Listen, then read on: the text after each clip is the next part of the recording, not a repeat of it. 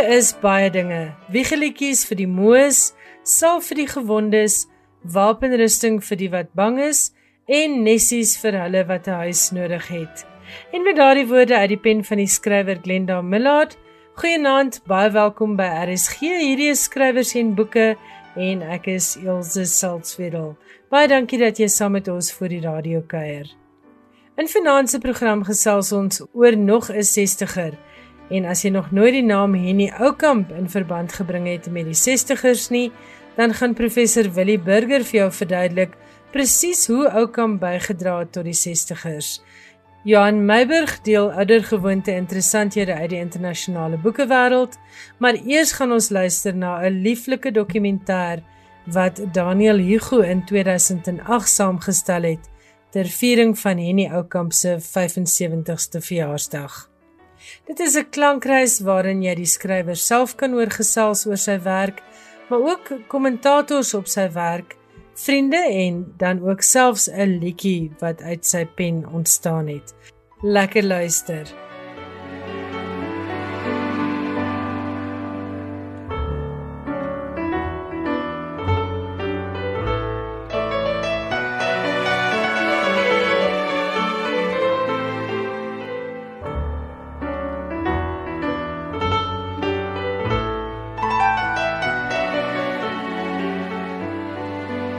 Jy kan nou luister na Meester Oukamp met permissie gesê.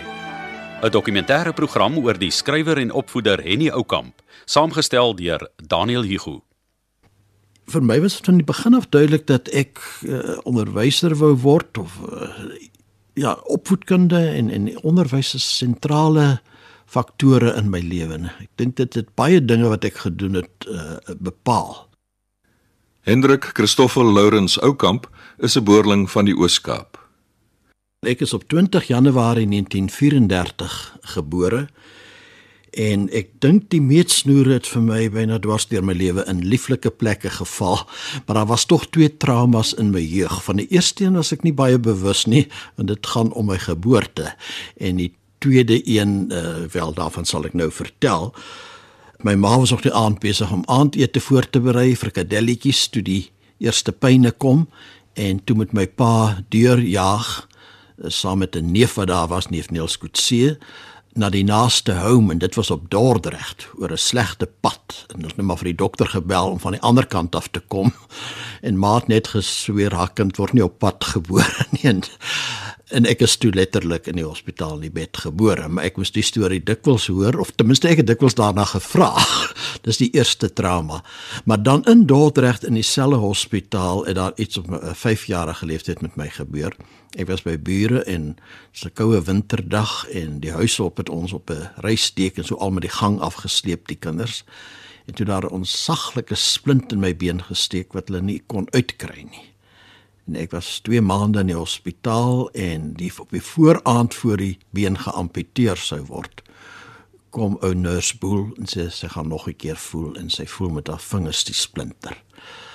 Nou ja jy weet dit is dit is eers terugskouend dat mens besef wat hoe anders jou lewe kon verloop het jy weet as jy net een been gehad het.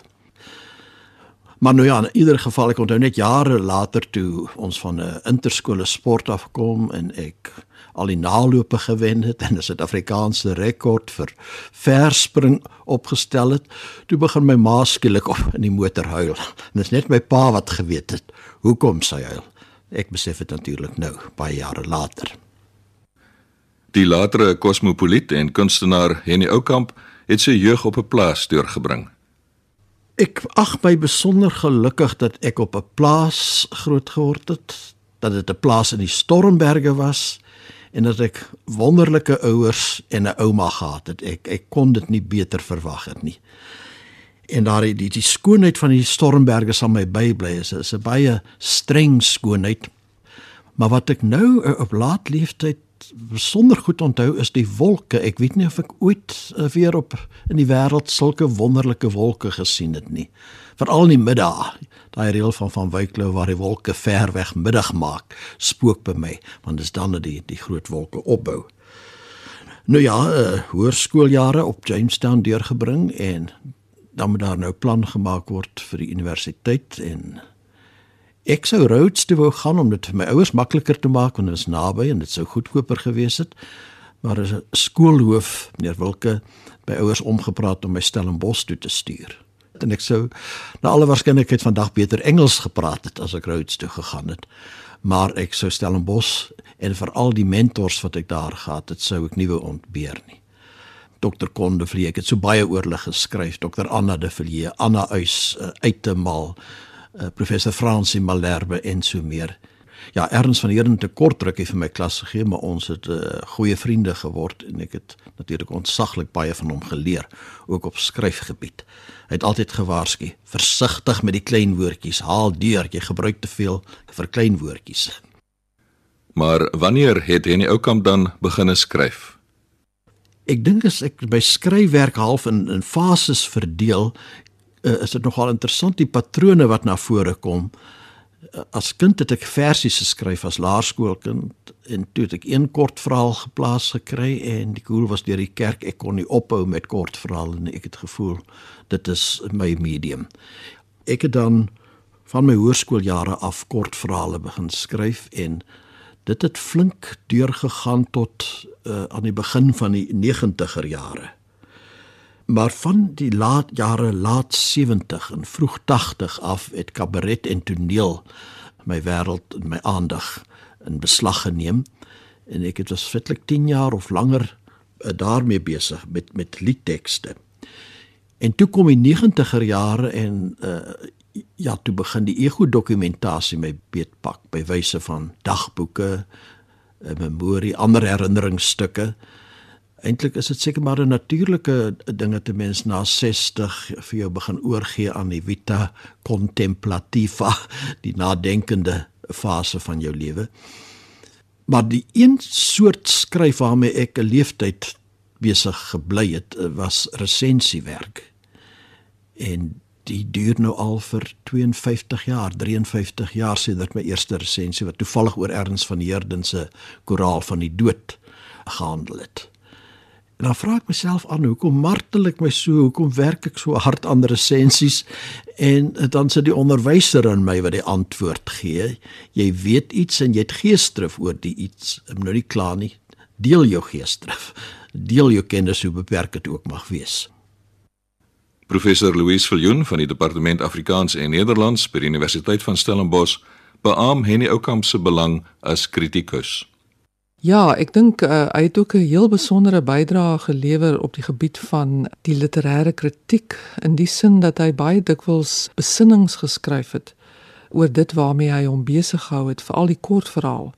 Hy het heelwat geskryf oor die skepende proses oor hoe 'n mens uh, te werk gaan as jy 'n kort verhaal skryf, wat die verskillende aspekte daarvan is.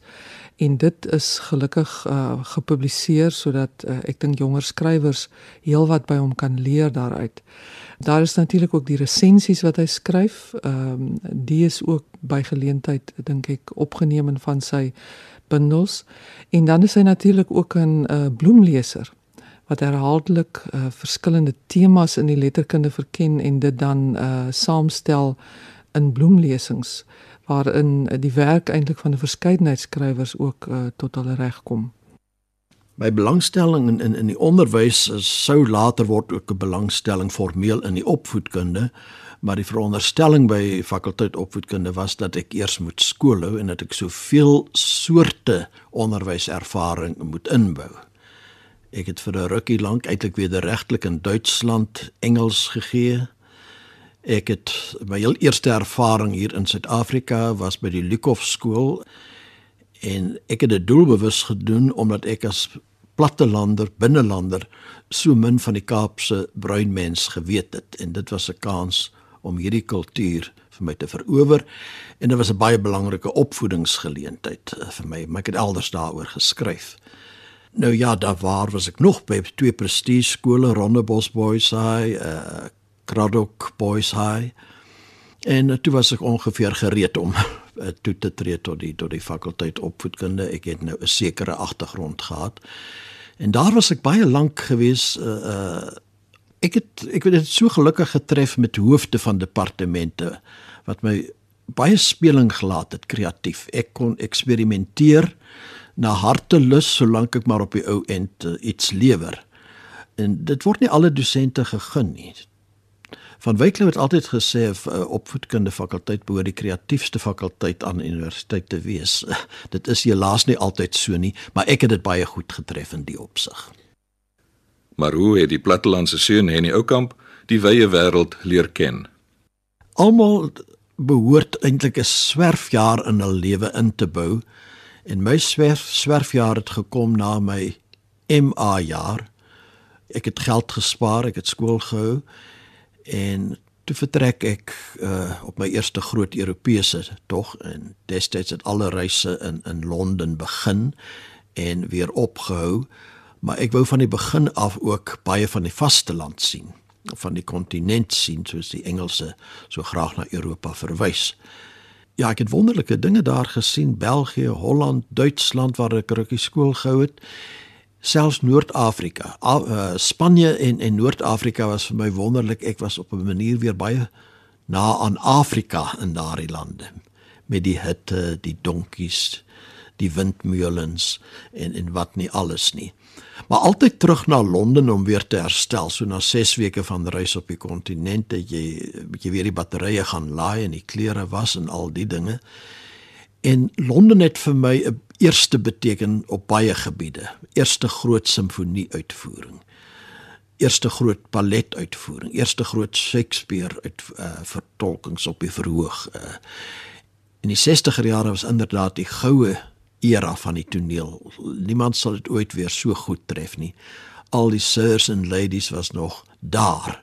Peggy Ashcroft, Laurence Olivier, Ralph Richardson, Michael Redgrave noem net op. Jy kan nie glo jy soveel van die mense in 'n enkele opvoering gesien het nie. Party opvoerings het ek tot 3 keer toe gesien soos Ankel Vanya om omdat die regie, die spel, alles wat net so betowerend geweest. En op die manier dink ek ontwikkel mense blou druk. Niemand sal jou daarna hier op vaarlandsbodem knolle vir sitroene kom verkoop nie. Reis was een van die belangrikste skryfprikkels in my lewe en die natuur tot die huidige dag toe. Maar ek vind mense kan Kaapstad is ruim genoeg. Jou omgewing in Kaapstad is ruim genoeg as jy as jy verbeelding het, werk jou verbeelding op alles in wat daagliks met jou gebeur. Jy hoef nie meer hierdie groot reise te onderneem nie. En eintlik het die televisie uh, nogal 'n 'n reis oorgeneem by my in 'n hoë mate. Ek ek is heeltemal versot op die geskiedeniskanaal byvoorbeeld en en al die natuurprogramme.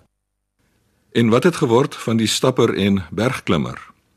Al die skarniere het opgepak en dis miskien nou 'n antwoord ek ek het so gehoop ek kan soos om Janie Smits tot ouderdom 80 elke week Tafelberg uitklim en dan met die kabelkar afkom maar dit het helaas nie so gebeur nie. Mens betaal ek maar 'n prys vir 30 jaar bergklim en, en begin stadium tou klim ook. En ja, die liggaam kan ook maar nie soveel straf verduur nie. Die natuurkenner Dave Peppler het Henne Oukamp dikwels saamgenooi op sy sogenaamde veldtogte na die Karoo. Dit was 'n uh, moeilike begin want ek was onseker, ek was 'n rou bosboer uit Kluitjieskraal en Henny was hierdie groot gees en ek het versigtig genooi en omdat ek gruwelik soos baie ander mense onderskat. Dit is moeilik om vir jou te sê hoe fiks Henny was as as jong man. Hy was ontsaglik fiks. Hy was 'n bergklimmer, jy weet, bottelbene en sterk en sonder enige fimies en nie kon op 'n klip slaap. Ek dink hy kan nou nog glad nie bekommerd oor kos nie. Solank die liggaam gevoed is, kon jy alles doen. En natuurlik die vir my die die die grootste bonus van al sy onblusbare nuuskierigheid oor letterlik alles oor nuance van landskap, oor plante en diere. En dan die bonus as 'n uh, as gesel om om die toevoeging te kry. Dan word die hele wêreld vervleg met die kunste. En na een veldtog het het alles bymekaar gekom en dit het 'n ritueel geword bykans vir die volgende 12 jaar dink ek. Ons het al twee liefde vir droë plekke. Ons eerste groot besoek was aan Droogepits, die familieplaas van Johan van Rooyen, uh, eertydse redakteur van De Kat. En die die resep vir 'n veldtog was altyd huiswerk, deeglike huiswerk oor die gebied, die folklorisme, en baie musiek. Daar was altyd 'n kaset in die motor en Ons kon vir ure dan stil deur droë landskappe wat wat jou eintlik dwing om te luister na binne dwing. Ons het kontry goeders gekoop, karosse, turkswystroop, droë vrugte. Dit was deel van die van die veld saam terug huis toe neem. Jou slaapsak moes na Boego ryk as jy by die huis kom.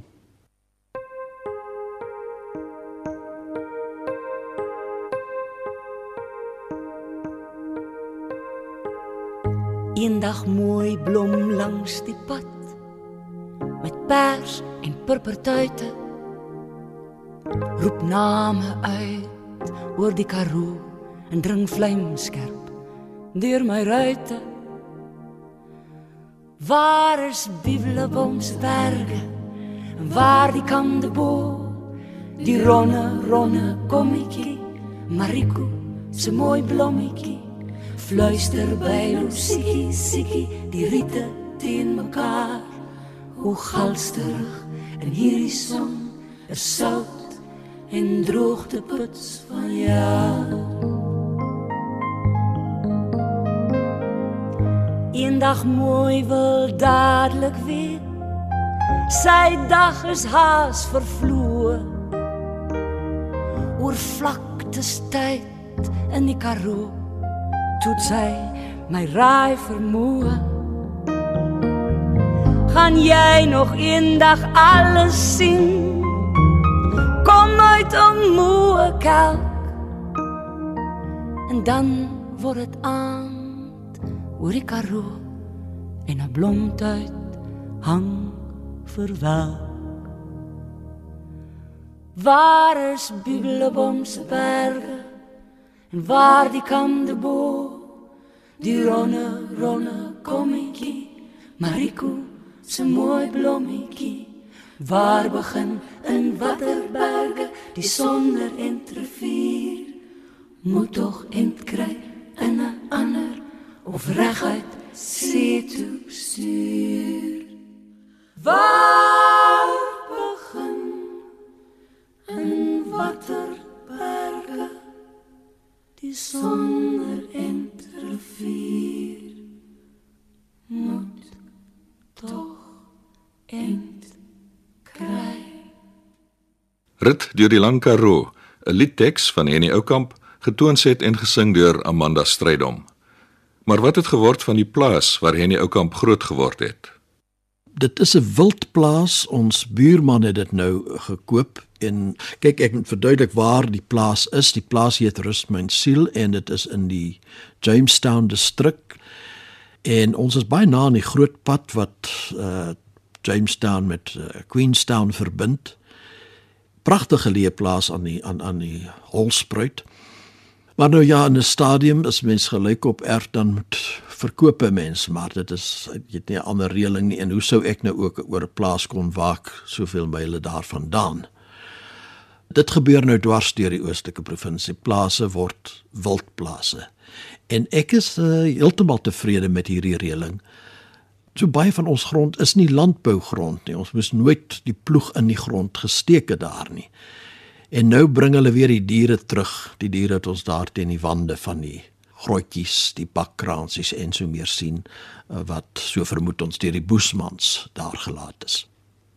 Ja, in aansluiting by wat ek nou gesê het oor die oor die plase wat wildplase word, wil ek 'n gedig lees wat ek Rust my siel noem wat juis op hierdie kwessie slaan. Een het hul name luid uitgeroep en die elande het gehoor.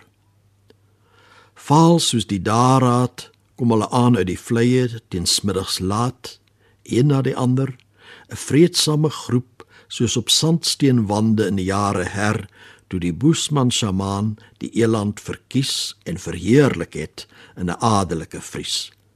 'n Borg teen die tyd en geheue verlies. Hul nekvelle skud en die goue lig weer kaats in hul oë.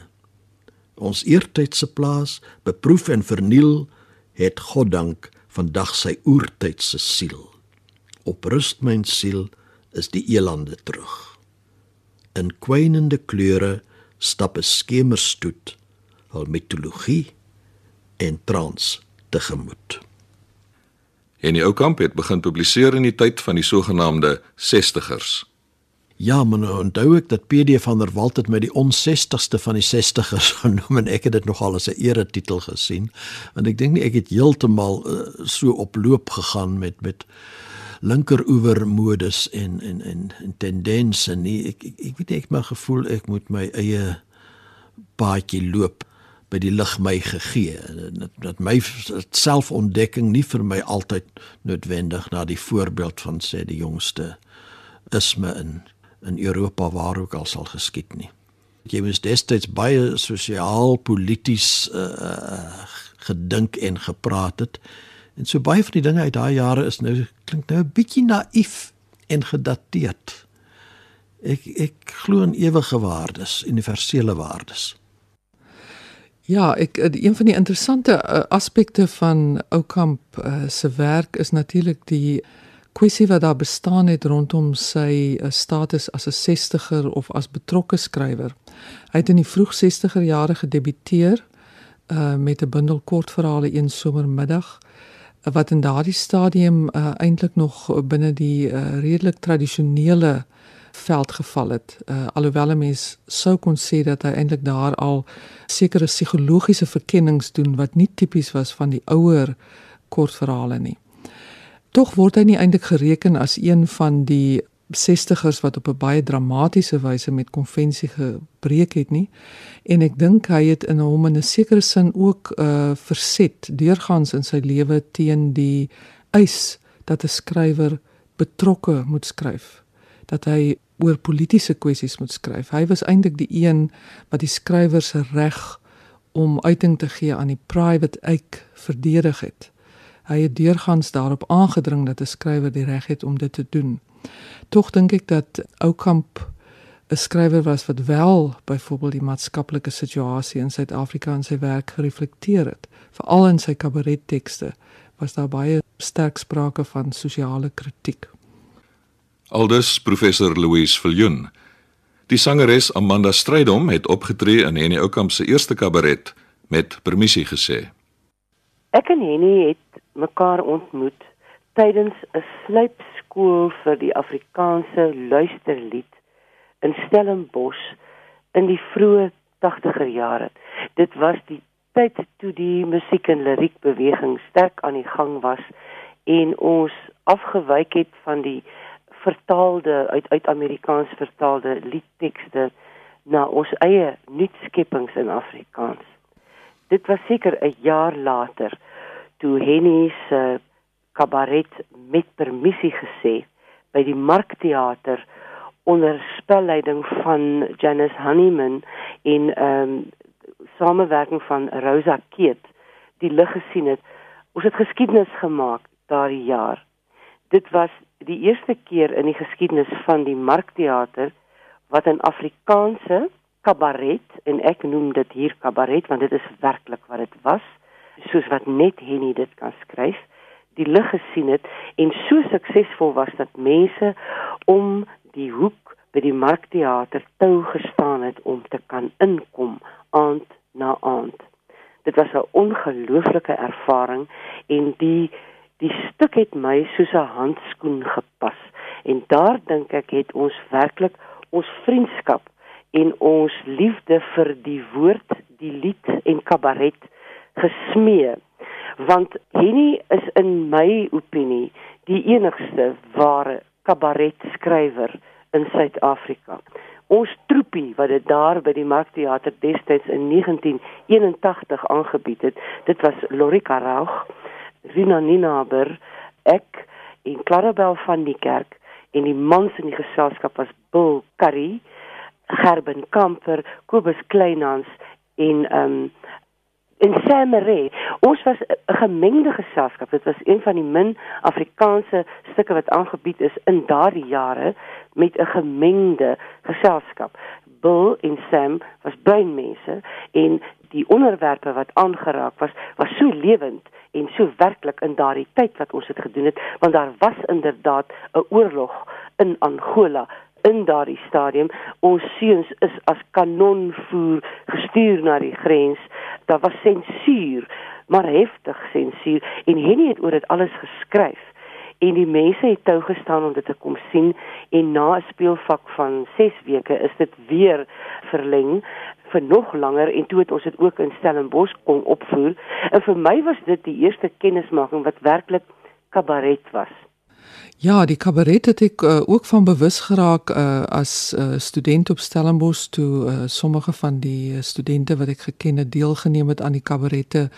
Hy het lirieke geskryf wat hulle getoon het het. 'n vriend van my Janie Hofmeyer was daarbey betrokke en uh, ek dink daarmee het Oukamp ook vir ons as uh, jong studente in die 70er jare 'n bepaalde wêreld oopgemaak wat ons eintlik nie geken het nie 'n wêreld van uh, sofistikasie en dekadensie en ook 'n kritiek uh, op die samelewing wat ons miskien nie in daardie stadium nog so goed onder beheer gehad het nie Maar Henny Oukamp het ook op 'n ander terrein die Afrikaanse letterkunde verryk. Frederik de Jager, 'n oud student en 'n uitgewer, verduidelik. Maar hy het natuurlik ook die gay wêreld oopgeskrywe op 'n manier wat dit gevestig het as 'n agbare genre, as ek dit so kan noem, um, sonder dat dit met ander woorde net gaan op die vlak van die banale en die bespotlike en die die dinge wat so maklik bespot is in die verlede, maar dat hy daaraan 'n karakter gegee het wat dit staan maak in as 'n is 'n agbare subgenre in in die letterkunde. En die Oukamp is bekend as 'n mentor van jong skrywers. Ja, maar weet jy daar was 'n voorbeeld eh, Daniel eh, hierdie hierdie hierdie mentorskap. Aan voorstelling Bos amptelike skryfskole gehad het, het die dosente dit op hulle geneem. Ek weet uittemal het gesê as hier van julle is en ek weet hier is van julle wat versies en stories skryf, moet julle dit vir my bring. En dan toe ons na sy huis laat kom en ek het verskriklik baie van hom geleer in so 'n enkele sitting. Hy het ook baie beklemtoon dat 'n mens jy, jy moet die groot modelle ken. Jy moet weet wie die meesters is. Iets wat Uyskryge ook later vir my altyd op die hart sou bind, ken die meesters. Nee, as jy hulle ken, gaan jy jou eie stem vind. Die een volg uit die ander. Maar die die volgorde is onomstoote. Ken die meesters en dan eers kom die eie stem. Dr. Kon en Erns van Heerden het ook gehelp. Eh, so daar was 'n soort nie amptelike skryfskool tradisie. En ek het later toe jonger mense na my gekom het, het ek gevoel ek moet doodgewoon kontinueer, jy weet ek moet voortgaan uh, en verander probeer gee wat ek gekry het of uh, jy weet toe ek in daardie posisie was van van beginner te wees. Ek dink die uh, mentorskap van uh, Henny Oukamp is nogal 'n baie interessante en 'n baie boeiende gegewe iets wat natuurlik neerslag vind in uh die verhale wat mense in die Afrikaanse letterkunde kry. Ek dink een van die uh, sterkste voorbeelde daarvan, die mees prominente voorbeelde is natuurlik die uh mentorskap van uh, skrywers soos Koos Prinsloo wat eintlik tot 'n baie intense soort interaksie op die literêre vlak, op die vlak van verhaalskryf gelei het. Koos Prinsloo wat sy verhaal geskryf het daaroor en uh Johan de Lange wat gereageer het op daardie verhaal, Oukamp wat uiteindelik in sy dagboeke ook daarop gereageer het. Ek dink daardie mentorskappe was uh vir die letterkundige en vir die leser veral interessant in die opsig dat dit gelei het tot boeiende verhale. Ja, daar's nog altyd mense wat wat raad vra, maar ek onthou so goed wat beide dokter Kon en MER gesê het. Mens gaan nie met raad na jong mense nie.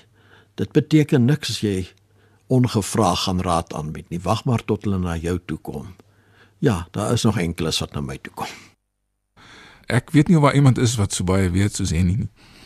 Ek was student in die departement opvoedkunde Afrikaans in die Universiteit van Stellenbosch waar ek uh, by hom les gehad het. En ek het daar met my mond oopgesit. Ek het nie gedink dis moontlik dat een mens so baie kan weet nie dit is selfs 'n bietjie intimiderend te sien met Henny in 'n gesprek is want dit rol mos net so af hoe hy uh vertel. En en dis glad nie by wyse van van spog nie. Dis maar net dit val so uit sy mou uh wat watter relevante dinge hy alles oor 'n saak weet in die skilderkuns en die musiekwêreld en die skryf uh kuns en die digkuns en watter ander uh, tonele ook. En daarmee is hy is hy ontsettend vrygewig Uh ek dink hy uh miskien is dit die onderwyser in in die ou kamp wat ehm um, mense net graag wil meedeel is 'n mooi woord, né? Dis presies wat dit is. Ek moet sê in my lewe, my lewe en my loopbaan sou soveel armer gewees het sonder Henny se bydraes, nie net as skrywer, as besorgde mentor oor my skryfwerk en my lewe nie, maar ook as 'n vriend. Beteken hy vir my so baie en ek weet ek kan met blymoedigheid my liedtekste na hom stuur en hy sal vir my positiewe opbouende kritiek terugstuur en so dit doen ek gereeld met my albums met hom wanneer ek skryf. En um, 'n mens is so bevoorreg om iemand soos Henny te ken wat belese is, bereuse is, wat werklik die wêreld ingevaar het en gaan ontdek het wat skrywers moet doen en terugkom en sy ryk skat met ons deel. Ek het 'n grenslose bewondering vir hom as skrywer en as mens. Jy het geluister na Meester Oukamp met permissie gesê. 'n Dokumentêre program oor Henny Oukamp in Kaapstad saamgestel deur Daniel Hugo. Baie dankie aan die span daar by die SABC radioargiewe vir die opspoor van hierdie klank. Jy is ingeskakel op RSG. Ek is Elsje Salzwetel en nou sit die beurt van professor Willie Burger om met ons te gesels oor Henny Oukamp se werk en hoekom hy tereg as 'n 60er beskou word. Nou Henny Oukamp dink ek is een van die figure wat ook soms al beskryf is as 'n randfiguur van die 60ers. Maar ehm um, eintlik 'n uh, eh, ja, hy staan nie so sentraal tot daai bekende 60ers wat geassosieer word met die weerstand en die um, opstand en die vernuwing soos Brink of Leroux en Breitenberg nie. Hy was ook nie op die redaksie van die tydskrif 60er nie wat uh, dikwels ook gebruik word om die 60ers mee te definieer wie hulle is. Maar sy eerste twee werke waarmee hy gedebuteer het in 1963 een somermiddag en in 1965 die hartseerwals was ook baie meer tradisioneel. Tradisionele vertellings konvensionele um, vertellings nie met daai kenmerkende eksperimentering van die van die 60ers die tegniese eksperimentering of tematies nie. Baie meer die landelike agtergrond wat hy beskryf hoewel op 'n baie fyn manier Maar dan tog in 1968 met Spitsuur is daar baie meer te sien van hierdie tipiese eksperimentering veral met tyd en en maniere van vertel wat ek dink later in sy werke baie sterk selfbewuste posisie ook ingeneem het. En en hy was natuurlik ook die samesteller van 'n bundel verhale van en oor 60 in 1973 met die titel Boulder en in daai opsig is hy dis ook baie meer betrokke by die 60ers. Maar ek dink 'n ander belangrike manier waaraan mense kan sien dat hy eintlik 'n belangrike 60er was, is dat hy reeds in die 1960s bydraes gelewer het tot dagblaaie, tot tydskrifte waarin hy veral die styl um, en die struktuur van hierdie 60er werk ook verduidelik het en blootgelê het hoe dit werk in sy literêre kritiek. En en dis ook belangrik. Dit is ook later gebundel baie van hierdie opstelle van hom en sy kritiek.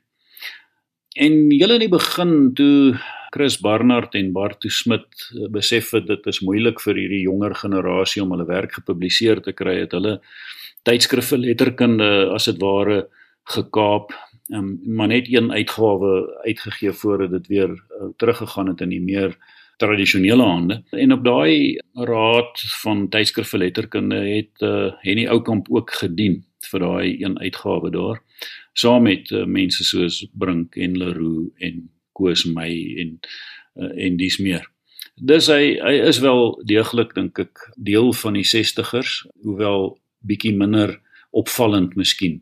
Um, as ons na sy oeuvre kyk, dan is dit opvallend hoe dat sy oeuvre eintlik gekenmerk word deur veelsidigheid. Hy het verhale geskryf, essays, toneelstukke, veral een bedrywe kabarette in die 1970s. Baie lirieke, reisessays, reissketse, dagboeke en en natuurlik poësie ook. En het hierdie groot verskeidenheid bydraes op baie terreine gelewer en en van daai werk was ook polities betrokke geweest. Ek dink veral in sy kabarette wat uh, dikwels nogal skreiende satire ingehou het en blootleggings van die soort skynheiligheid ook van mense, maar ook van die politieke bestel en en die onkunde van mense oor ander mense en en nogtans 'n inname van 'n posisie van meerderwaardigheid of neerhalendheid die die kry mens dikwels daardeur. En benewens al hierdie werk wat hy gedoen het op al hierdie verskillende genres was hy ook die samesteller van verskillende belangrike tekste. Ek dink uh, aan Wisselstroom 'n bundel homoerotiese verhale wat in 1990 verskyn het wat 'n bydrae gelewer het tot die publiseer ook van gay literatuur. Hy het, hy het natuurlik ook al vroeër die tema aangeraak in sy eie werk. Ek dink so vroeg soos 1972 het hy al 'n redelike eksplisiete gay verhaal daai Steven en Faye geskryf. Maar hy het ook oor kos 'n boek saamgestel, daai borde borde borde vol boeke saamgestel oor ander skrywers. En hy het natuurlik ook teoretiese bydraes gelewer, uh, veral rondom die skryf van kortverhale, oor hoe om kortverhale te skryf wat aan die een kant 'n 'n blik gegee het op sy eie werkswyse, maar aan die ander kant ook baie raad en en moontlikhede wat hy vir aspirantskrywers gee in in werk soos kort voor lank en daai die blote storie een en weer 'n latere blote storie en ook in Windperd waarin hy geskryf het oor skryfskole en dis meer. As 'n mens kyk na al sy werk, dan dink ek die een belangrikste kenmerk wat mense in al sy werk sien is dat sentraal staan die mens se eensaamheid, die mens se onvervuldheid. Mens wat in 'n alleen in 'n droewe wêreld leef waarin daar eintlik nie troos te vind is nie. En en daardie is sy heel sterkste werk ook en dit is 'n sentrale tema in al sy werk en en ek dink hy word nie sonder rede nie dikwels ook beskou as 'n uh, die koning van die Afrikaanse kortverhaal waarskynlik saam met uh, Abraham de Vries twee van die belangrikste beoefenaars van die kortverhaal kuns in Afrikaans reg van sy vroegste werk af is sien mense reeds dat stemming, atmosfeer dikwels meer belangrik staan as wat die gebeurtenisse bestaan. En hy is 'n um, 'n besondere fyn stilis. Daar's daai soort selfbewuste omgang met die estetiese, met die woord, met die verhaal sodat die verband tussen lewe en kuns die hele tyd beklemtoon word. Hoe word aan die lewe eintlik gestalte gegee deur die woord, deur die raakwoord, deur die fyn woord. Hoe kan kuns iets van die lewe weergee? Maar die kuns word ook 'n opteken van die lewe. Dit word eintlik 'n soort wal gooi teen die verbygaan van tyd. En dit is op daai manier uh, 'n poging om eintlik die lewe te bestendig, iets vas te hou van die lewe, maar aan dieselfde kant is daar ook voortdurend hierdie droefheid oor die verlore kansse van die lewe, oor dit wat verbygegaan het, 'n onvervulde lewe en en oor die dood. In sy latere werk hier in die 1990s en ook vroeg in die, in 2000 het hy baie die dagboek bedryf. Die ego dokument is nie werklik 'n autobiografie in die sin dat dit 'n hele lewensverhaal bied nie, maar hoogs persoonlike indrukke van ervarings ook 'n optekening van die van die oorgang van uh, 94 wat hy op 'n manier uh, dagboek um, en en deur sy dagboek daar stel. Vir my is een van die hoogtepunte in Oukamp se hele oeuvre, die bundel vol mink uit 1981 uh, en daarin veral daai verhaal vir vier stemme. Dit is 'n verhaal wat al die beste eienskappe waarvoor sy werk bekend is bevat dink ek hy keer daarin terug na die Stormbergse omgewing die die afgeleë plattelandse gebied wat uh, mense reeds in al sy werk tevore ook gekry het.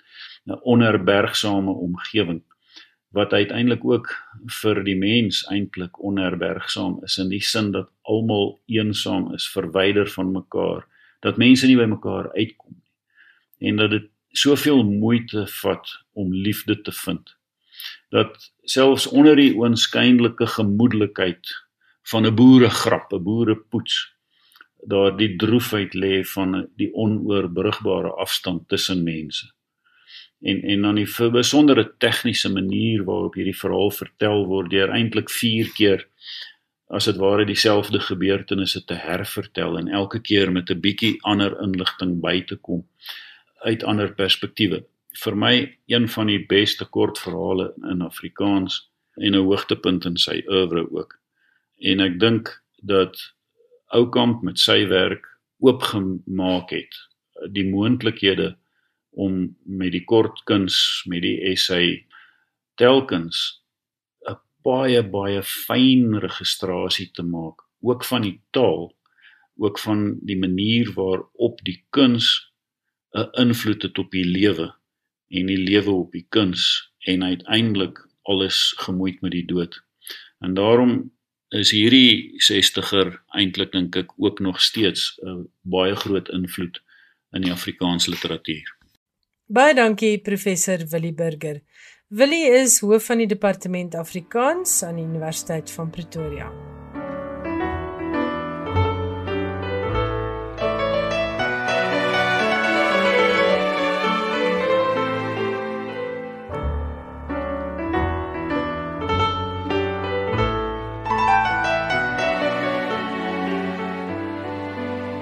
Ons sluit die program Oudergewoonte af met Johan Meiburg se internasionale bydrae en vanaand gesels hy oor The Guardian se Not the Booker Prys, die lot van 'n beroemde boekwinkel in Parys, Frankryk en die wenner van die internasionale Dublin Letterkunde Prys. Hier is Johan.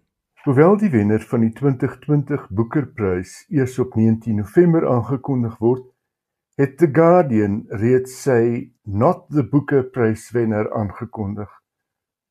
Die Britse dagblad het 'n paar jaar gelede die prys met 'n klap na die Booker prys ingestel op die basis dat die publiek saam met 'n beoordelaarspaneel die wenner van die prys bepaal. Die Walliese skrywer Richard Owen Roberts is aangewys as wenner van vanjaar se Not the Booker prys vir sy tweede roman Hello Friend, We Missed You. Hello Friend, We Missed You is 'n komiese roman wat afspeel op 'n klein Walliese eiland waar die inwoners gewapen met sosiale media hoegenaamd nie daarin slaag om te kan kommunikeer nie. Dis 'n roman oor alleenheid, Netflix, 'n landelike bestaan, geld en die komediant Jack Black. Die roman is al beskryf as 'n skerpsinnige en verbeeldingryke refleksie op verdriet, verlies en die belang van aanbeweeg. Roberts se skryfwerk word vergelyk met die van Bret Easton Ellis in die opsig dat hy daarin slaag om die nihilisme en popkultuur van die generasie wat bekend staan as die millennials so goed vas te vang. Ah, dankie Johan. Dit klink na nog 'n boek vir my Desember leeslysie, my groeiende leeslysie moet ek bysê. En dan het jy vir ons nuus oor die Shakespeare and Company boekwinkel in Parys, Frankryk.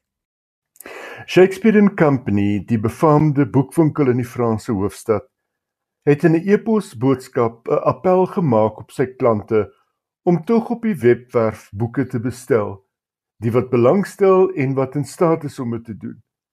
Die boekwinkel het aangedui dat sy verkope sedert Maart met soveel as 80% geval het. Die epos het Shakespeare and Company uitgestuur voordat Frankryk intussen weer 'n grendelstaat minstens tot en met einde November ingestel het.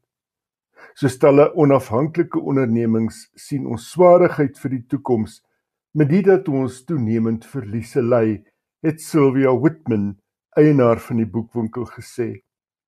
Ons maak nie toe nie, maar ons is deur ons spaargeld, het sy gesê.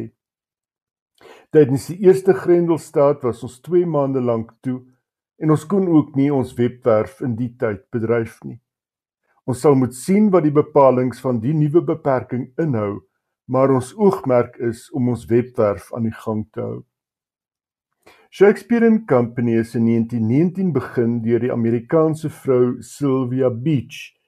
En die boekwinkel het vinnig die plek geword waar skrywers soos F. Scott Fitzgerald, Ernest Hemingway, T.S. Eliot en James Joyce bekende besoekers was. Na die Tweede Wêreldoorlog het George Whitman, die huidige eienaar se pa, die naam Shakespeare and Company op Parys se linkeroewer laat herleef met iets van 'n socialist utopia masquerading as a bookstore in gedagte. En gou het die boekwinkel 'n kultusstatus van sy eie gekry met skrywers soos James Baldwin, Lawrence Durrell, Allen Ginsberg en Anais Nin as besoekers. In antwoord op die appel op klante is die boekwinkel oorval deur aanbiedings van steun, hulp en bestellings. Ons is so bemoedig deur die steun, het Whitman gesê. Ons sien sommer weer kans vir die volgende hoofstuk. Ja, en ons kan maar net weer 'n beroep doen op alle luisteraars en boekliefhebbers om asseblief plaaslike boekwinkels nou meer as ooit tevore te ondersteun. Johan, en dan sluit jy af met nuus oor die wenner van nog 'n internasionale letterkundeprys van boekwinkels na biblioteke. Die Ierse skrywer Anna Burns is pas aangewys as wenner van die internasionale Dublin Letterkundeprys. Die prys wat in sy benoemingsproses steun op benoemings deur 400 genooide biblioteke wêreldwyd. Altesaam 256 romans is deur die deelnemende biblioteke benoem vir die prys met 'n prysgeld van net minder as 2 miljoen rand en daarmee die rykste letterkundeprys vir 'n enkele werk ter wêreld. Burns het die prys gekry vir Milkman wat in 2018 verskyn het, haar derde roman. Vir die boek het sy reeds etlike pryse gekry. Die eerste een was die National Books Critics Circle prys vir fiksie in 2018 en in dieselfde jaar ook die Man Booker Prys. Die volgende jaar was die boek op die kortlys vir die Women's Prize vir fiksie en het die boek die Orwell Prys gekry. Vroeger vanjaar het Burns die Christopher Ewart Biggs Prys vir Milkman gekry. Milkman is 'n eksperimentele roman geplaas tydens The Troubles, die militêre konflik van die 1970s in Noord-Ierland En die verteller staan slegs bekend as die middelste suster. Die 18-jarige meisie trek die aandag van die melkman, 'n man heelwat ouer as sy. In sy kommendatio vir die Man Booker Prys het Kwame Anthony Appiah, sameroeper van die beoordelaarspaneel, destyds verwys na die magnifieke manier waarop Burns die ervaring in Noord-Ierland gebruik om 'n wêreld te verbeeld wat individue toelaat om die mag te misbruik wat 'n gemeenskap toevertrou aan die mense wat namens hulle die staat moet weerstaan. Ondanks die spesifieke omstandighede is die boek aangeprys vir sy universele strekking en sy betekenis vir alle gemeenskappe in krisis. Die aankondiging van die wenner is in die Ierse ambassade in Londen gedoen omdat Burns weens die pandemie nie in staat was om van Sussex waar sy tans woon na Dublin te reis nie. Hier is Anna Burns se aanvaardingstoespraak wat in die ambassade opgeneem is en waarin sy die rol wat Belfast se biblioteke in haar lewe gespeel het uitwys.